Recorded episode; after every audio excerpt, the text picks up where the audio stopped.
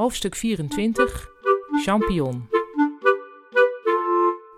Het groen van de plataan voor het raam maakte Kavia een beetje droevig.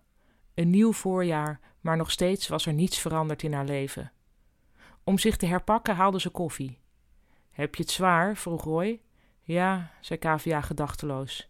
Je moet lekker gaan daten. Nou, eh, wie weet, zei Kavia sarcastisch. Ja, riep Roy hoopvol. Zal ik helpen? Even een profieltje voor je aanmaken op een datingsite? Nee, dank je, zei Kavia. Ze dacht terug aan een interessetest die ze ooit had gedaan.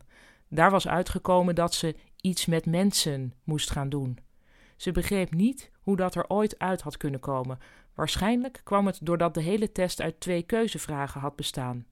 Wil je liever champignonkweker worden of dominee? Kavia begon te vermoeden dat ze nu in de communicatie werkte omdat ze destijds een aversie tegen de champignonbranche had gehad.